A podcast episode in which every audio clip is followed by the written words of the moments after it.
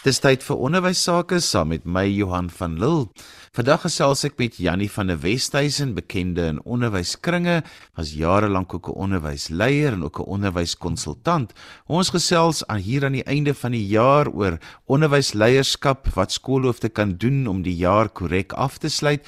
So Jannie, aan die einde van die skooljaar is daar heelwat belangrike aspekte wat afgehandel moet word voordat die skool sluit vir die somervakansie. So wat beskou jy as die belangrikste aspekte wat aandag moet geniet? Goeiemiddag Johan, baie dankie vir die geleentheid om weer te kan gesels. Inderdaad is daar aan die einde van die skooljaar verskeie belangrike aspekte en dinge wat hanteer moet word en afgehandel moet word. Die twee belangrikste vir my wat uitstaan aan die einde van die jaar en ons praat so van die laaste 2 maande van die van die skooljaar is dat skole sal reflekteer oor die jaar wat verby is. Met ander woorde, 'n deeglike bestekopname doen, analiseer en ontleed en reflekteer en vir mekaar sê dit het afgelope jaar gebeur en dit is ons ons mening of ons siening daarop en dan na sodanige refleksie uh, uit die aard van die saak moet die beplanning vir die nuwe skooljaar gedoen word. So dit is die twee mees kritiese aspekte om te reflekteer en bestek op te neem en dan om te beplan en hierdie twee aspekte loop natuurlik hand aan hand met mekaar want dit is onmoontlik om vir 'n nuwe skooljaar te beplan indien daar nie 'n behoorlike en 'n deeglike evaluering gedoen is van die van die skooljaar wat verby is nie. Dit is belangrik om te weet watter aspekte suksesvol afgehandel is, watter dinge is goed gedoen, wat het 'n goeie en 'n mooi uitkoms gehad? Waar wat is daardie dinge waaroor die skool goed kan voel en tevrede mee kan wees? En net so is dit belangrik om te weet wat is daardie dinge wat minder suksesvol was? Watter dinge moet dalk in die nuwe jaar anders of beter gedoen word, anders hanteer word? Uh wat is daardie dinge gedurende die jaar wat verby is wat net eenvoudig nie die impak gehad het waarvoor gehoop is nie? So Johan alleen wanneer mense hierdie dinge kon identifiseer, dan kan jy met sinvolle beplanning vir die nuwe jaar begin. So om saam te vat vir my bestekopname, evalueer, reflekteer en dan tweedens die enorme taak om die hele skooljaar wat wag om daarvoor beplanning te doen. So Jannie, ons weet dat die beskikbaarheid van data nodig is om 'n deeglike analise te doen en te kan maak. So wat is so data het skole daarvoor nodig? Johan, dit is onmoontlik om deeglik te te evalueer en te ontleed as jy nie beskikbare data het nie. En in die konteks van 'n skool behels dit letterlik data oor elke faset van die globale funksionering van die skool. Dit gaan oor die insameling van data, dit gaan oor die dokumentering van data. Dit gaan dan oor die interpretering daarvan en dan ook baie belangrik die bewaring daarvan hè om dit saam met data van vorige jare byeen te bring en te stoor. Dit is 'n absoluut kritiese oefening aan die einde van die skooljaar. Vir my is data 'n verskriklike belangrike bestuursinstrument en met behulp van data kan jy of alleen met behulp van data kan jy 'n skoolverbeteringsplan saamstel en dit gaan dan oor die holistiese funksionering van die totale skoolbestek. Om aannames te maak is 'n gevaarlike bestuurspraktyk. Uh dit is eenvoudig net soveel meer sinvol om met konkrete data te werk en besluite daarvolgens te neem as op aannames. Neem eerder besluite en doen beplanning op grond van dit wat jy weet deur middel van die data wat jy het en moet dit nie doen op grond van dink dit wat jy dink jy weet nie want dit kan baie baie maklik 'n foutiewe aanname wees. Ons praat hier van inligting en statistiek oor elke aspek van die skool. Uh as ek 'n paar praktiese voorbeelde kan uitlig, praat ons iets soos alle relevante inligting oor leerderaangeleenthede. Hoeveel leerders het aansoek gedoen om toelating tot die skool? Hoeveel leerders is toegelaat? Wat is die leerdergetal van die jaar gewees? Hoeveel leerders was daar in elke graad en elke vak? alle fasette van van leerder data moet gedokumenteer word. So moet alle aspekte rondom personeeldata gehanteer en gedokumenteer word. Alle akademiese aspekte moet uh, moet al die relevante data uh byeengebring word. As mens dink aan 'n hoërskool, uh, wat was jou vakgemiddeldes? Wat was jou klasgroottes? Hoeveel leerders was daar per individuele vak? Uh, mense sou kon gaan kyk hoeveel leerders het uh, twee huistale geneem want dit is 'n belangrike bron van inligting. Hoeveel leerders het wiskunde geneem teenoor wiskundige geletterdheid? En as jy al hierdie data het, al hierdie akademiese data het, dan kan jy baie vinnig bepaalde tendense of patrone waarneem.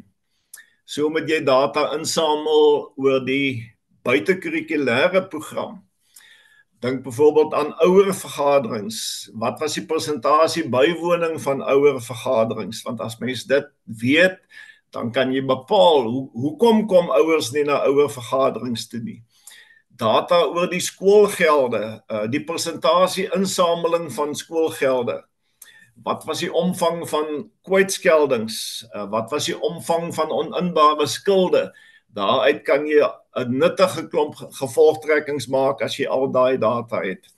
So Johan, so moet elke faset van die skool moet uh, alle relevante inligting gekry word, georden word, gedokumenteer word. En as mens hierdie oefening elke jaar doen, dan is dit baie sinvol want jy bou 'n langtermyn database op. En hierdie data wat jy nou oor 'n langtermyn het, help jou met beplanning op kort en langtermyn. Uh, dit stel jou in staat om tendense waar te neem en om betyds daarop te uh, te reageer uh, as ek praat van tendense as jy die statistiek het oor leerder deelname of leerder bywoning by die skool en jy die afgelope 20 jaar se statistiek en jy sien hier's 'n tendens hierdie die leerder bywoning verswak dan kan jy baie maklik daaruit bepaalde afleidings maak as jy sien daar's 'n afname in die aantal leerders wat wat deelneem aan buitekurrikulêre aktiwiteite dan kan jy daarvolgens regstellende stappe neem. So die die versameling van data oor die hele spektrum, die gebruik daarvan, ek dink dit is iets wat op die oomblik in ons skole onderbenut word en ek dink by skole as ek dit mag sê, dalk selfs heeltemal nagelaat word. En ek wil graag herbeklemtoon dat skole moet versigtig wees om bestuursbesluite te neem op aannames ons maak dikwels aannames omdat dit ons pas of dit omdat dit gerieflik is. Miskien selfs omdat dit die kortpad is, maar aannames kan baie misleidend wees en kan ons kan maklik lei tot foutiewe beplanning, foutiewe besluitneming. Uh dis 10 keer beter om met data te werk as met aannames. As jy sopas ingeskakel het, jy luister na ons in die onderwys saam met my Johan van Lille. Ek gesels vandag met Jannie van der Westhuizen en ons gesels 'n bietjie oor hoe skole die jaar op die korrekte wyse kan afsluit. Ons praat spesifiek met skoolhoofde en alles wat gedoen moet word hierdie tyd van die jaar. Jannie, want dit is nogal belangrik as ek hierdie data ingesamel het dat ek dan met die regte mense in my skool sal sit om daarop te reflekteer en planne rondom dit te maak. Ja, Johan, uit die aard van die saak om data te hê is is ongelooflik waardevol maar dit sal sinloos wees as jy nie uh daardie data gaan gebruik en gaan benut nie. Uh met ander woorde, jy moet jy moet uit daai data moet jy alle relevante aspekte wat jy moet weet en tendense en patrone en waarnemings moet jy kan kan kan neerstip en kan identifiseer daar's heelwat uh, operasionele aspekte wat byvoorbeeld krities beskou moet word. As mens gaan kyk na die skoolfinansies, as jy die data het, kan jy sien het alle beplande inkomste gerealiseer indien nie, waarom nie? Is daar enige addisionele inkomste bronne wat nie ontgin word nie? Kon die skool baie streng en goeie en deeglike begrotingsbestuur doen indien nie, weer eens waarom nie? So al antwoorde op al hierdie finansiële vrae sal byvoorbeeld help om die skool se finansiële volhoubaarheid te versterk in oorleg met almal wat daarbey betrokke is. So moet jy data hê oor onderhoud en instandhouding van die terrein en die infrastruktuur. Uh, is daar uitvoering gegee aan die jaar se onderhouds- en instandhoudingsprogram? Indien nie, waarom nie? Jy kan die byvoorbeeld saam met alle relevante rolspelers gaan kyk na die jaarprogram. Is daar dinge op die jaarprogram wat geskeduleer was wat nie plaasgevind het nie? Waarom nie? Dit wat plaasgevind en gebeur het, was dit die gehalte daarvan? Was dit effektief? Uh, het dit die gewenste impak gehad? Is dit goed bygewoon en ondersteun? Op grond daarvan kan jy besluit maak dit sin om dit volgende jaar weer op die jaarprogram te plaas of moet ons net die formaat daarvan byvoorbeeld aanpas. Ek het nou nou verwys na skoolbywoning wat so 'n kritiese faktor is. Iets soos personeel afwesigheid. As mens daai data het, dan kan jy daarop reageer want leerder teenwoordigheid en personeel afwesigheid is twee aspekte wat baie direk op die um, funksionering en prestasie van die skool reflekteer. Dan dink ek moet mens gaan kyk na emosionele die emosionele welstand van die leerders as ook die opvoeders. As mens na leerders gaan kyk, byvoorbeeld uh want ons weet swak leerdergedrag is dikwels 'n simptoom van bepaalde onderliggende faktore gaan kyk na die data, was daar 'n toename in ernstige dissiplinêre insidente want dit kan dui op 'n bepaalde rede waarom dit so is. Uh is daar personeellede wat met geestesgesondheid sukkel want dit kan aanduidend van van 'n probleem ergens wees. Uh is die opvoeders wat afwesig is, is dit weens stresverwante faktore of mediese of suiwer mediese of siekte toestande? Uh wat is die gees in die atmosfeer in die skool? Is die personeel gelukkig en vrolik en blymoedig en energiek? Ek noem hierdie voorbeelde want die skoolhoof moet verskriklik versigtig wees om hier te waak en sommer maar net dinge te aanvaar en aan te neem omdat dit so gevaarlik is. Hy moet die hy moet die kliniese inligting hieroor kry. Uh, wat is die jaarlikse personeelomset? Is daar buitengewone personeelomset is? Waarom? Dis belangrik om te weet. Uh die klimaat in die skool, die atmosfeer in die skool, is dit gesond? Uh maak dit optimale onderrig moontlik, maak dit optimale leer moontlik. Uh wat is die stand van verhoudinge in die skool tussen opvoeders en leerders, tussen opvoeders onderling? Johan 'n derde voorbeeld waarna mense moet gaan kyk saam met die relevante spanne in die skool, byvoorbeeld jou akademiese hoof en die vakhoofde gaan rondom akademiese aspekte. Byvoorbeeld laerskole sal jy kan vra is die hoe lyk die sistemiese uitslae? Hoe vergelyk dit met die uitslae van vorige jare? Hoe vergelyk dit met die teikendoelwitte wat gestel is? Hoërskole uit die aard van die saak kry die matriekuitslae eers aan die begin van die nuwe jaar en dan is dit ook 'n ongelooflike krities belangrike oefening want mense so gaan neig om net met die nuwe jaar voor te stoom en te vergeet rondom die groter matrieksituasie wat kan mens daar uit sien en daarin sien en wat kan mens daar uit leer. Maar jy kan wel aan die einde van die skooljaar kan jy goeie bestek opneem van die graad 8 tot die graad 11. Jy kan vasstel waar is probleemareas. Jy kan vasstel is daar opvoeders wat ondersteuning nodig het. Weereens kan mens vasstel is daar bepaalde tendense wat jy kan waarneem. Aan die einde van die skooljaar het leerders reeds hulle vakkeuses vir die nuwe jaar gemaak. sien jy enige verskywing in hierdie vakkeuses? Want as daar 'n verskuiwing geleidelik begin plaasvind in leerders se vakkeuses, dan beteken dit jy moet na jou personeelsituasie gaan kyk want sê, by wyse van voorbeeld 'n verskuiwing van sosiale wetenskappe en dan ekonomiese wetenskappe, jy moet in die uit die aard van die saak opvoeders hê om daai verskuiwing te kan hanteer. Dit raak jou personeelvoorsiening oor die langer termyn as jy na die akademiese situasie gaan kyk en wil leg met jou vakhoofde, kan jy vroegtydig bepaal wie is daai leerders wat leerondersteuning gaan nodig hê soos wat die nuwe skooljaar begin. Is alle handboeke en studiemateriaal gereed en beskikbaar?